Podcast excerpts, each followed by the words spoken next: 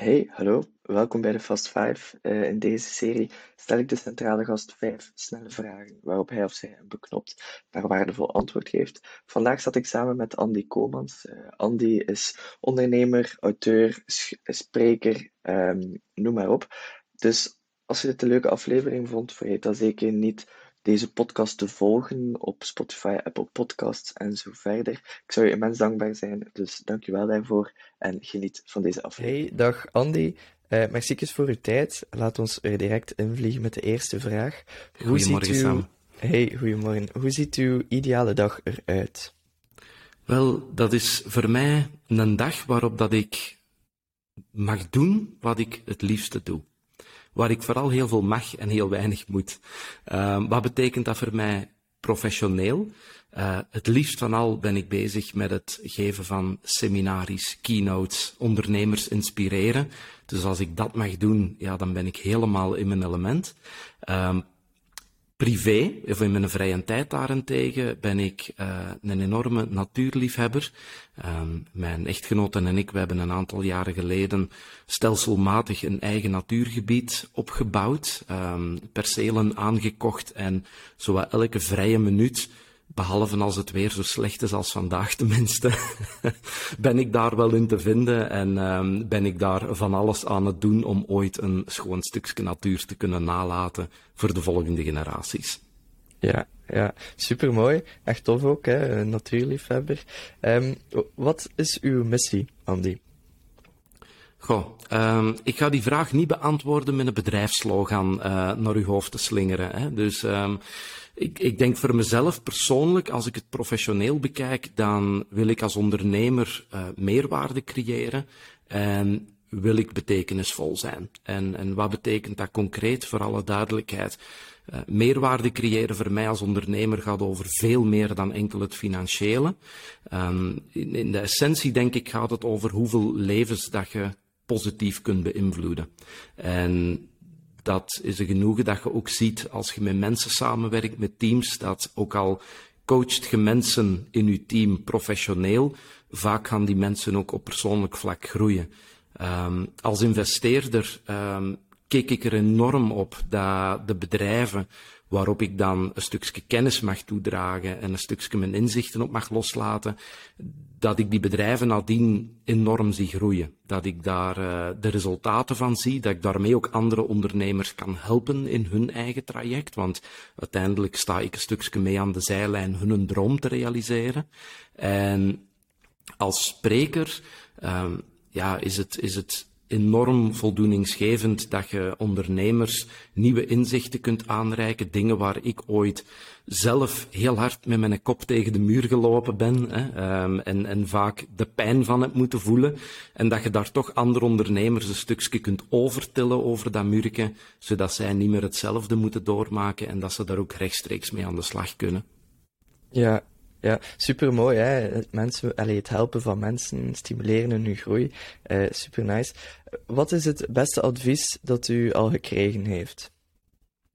Um, een zelfstandige staat in het centrum van zijn bedrijf en een ondernemer staat aan de zijlijn. Voor mij is er een heel groot verschil tussen een zelfstandige en een ondernemer. Een zelfstandige is iemand die uh, leeft van zijn eigen resultaat en een ondernemer leeft van het resultaat dat vaak ook door andere mensen wordt geproduceerd. Die bouwt iets dat groter is dan hemzelf.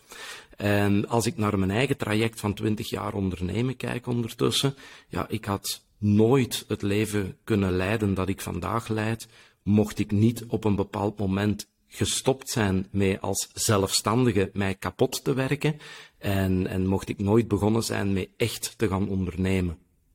Ja, cool. Ja, op die manier had ik er uh, nog nooit naar, naar, gekeken. Super waardevol. Um, waar, waar bent u het meeste trots op? Een aantal zaken. Ik ben ondertussen twintig jaar bezig, dus dan, dan heb je wel een aantal ja, denkbeeldige bekers die je graag op je kast zet, om het zo te zeggen. Um, ik denk algemeen dat ik zoveel ondernemers in mijn carrière echt vooruit heb kunnen duwen in hun eigen groei als ondernemer en met hun bedrijf. Hè. Ehm, ik, ik ben op heel jonge leeftijd begonnen met een, met een marketingbedrijf uit te bouwen. Daar heb ik heel wat ondernemers mee kunnen helpen. Ehm, ook een trotse realisatie dat bedrijf is ooit op een zolderkamer begonnen, is uiteindelijk een van de honderd grootste marketing agencies in Vlaanderen geworden. En op dat moment heb ik het ook succesvol verkocht op uh, eh, 38-jarige leeftijd aan mijn operationeel management, die uh, zich ingekocht hebben in de, in, in de aandelen die het bedrijf hebben overgenomen. Dus dat is één ding waar ik, uh, waar ik zeer trots op ben. Een ander aspect is ja, ook wederom wat ik als spreker mag ervaren. je krijgt heel vaak feedback en dan bedoel ik niet het applaus op het einde dat je je keynote hebt gedaan, hè, want dan zegt iedereen dat het goed en geweldig was. Maar vaak wel enkele jaren nadien. Als je x aantal jaren of maanden na een programma, na een inspiratiesessie, een ondernemer terughoort. En die vertelt u dan wat dat hem daar allemaal mee heeft gedaan. En wat dat, dat voor hem heeft betekend of voor haar heeft betekend. Ja, dan ziet je pas echt de impact die je hebt kunnen maken op dat moment. En dat is enorm dankbaar. Ja, ja, dat kan ik zeker weten, geloven. Top. Um, dan zijn we al bij de laatste vraag, Andy. En dat is, als je puur hypothetisch een, een wet mocht opstellen waarin dat iedereen één gewoonte heeft, welke gewoonte zou dat dan zijn? Um, heel kort, minder zagen en groter denken. Ja, ja. ik denk dat ik daarmee gewoon de twee grootste uitdagingen van veel ondernemers heb benoemd. Um, ik, ik stel zo vaak vast dat ondernemers in, in, ja, in, in die negatieve gedachtenstroom zitten. Alleen maar gefocust zijn op, op de problemen die voor hen liggen. En daardoor zien ze vaak de opportuniteiten meer. En wij Vlamingen, wij zijn ook zo, ge, zo geworteld aan, aan de grond.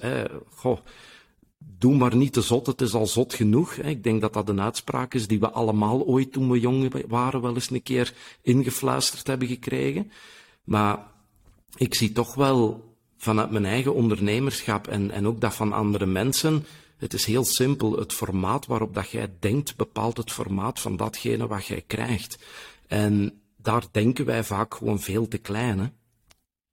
Ja. Van het moment dat het te ambitieus lijkt, ja, dan, dan is er een bepaalde angst die ineens de kop opsteekt. En dan zullen we toch maar voor die veilige doelstelling kiezen. We zullen die target maar niet te hoog leggen. Want ja, als we het niet halen, dan gaan we op onze bek.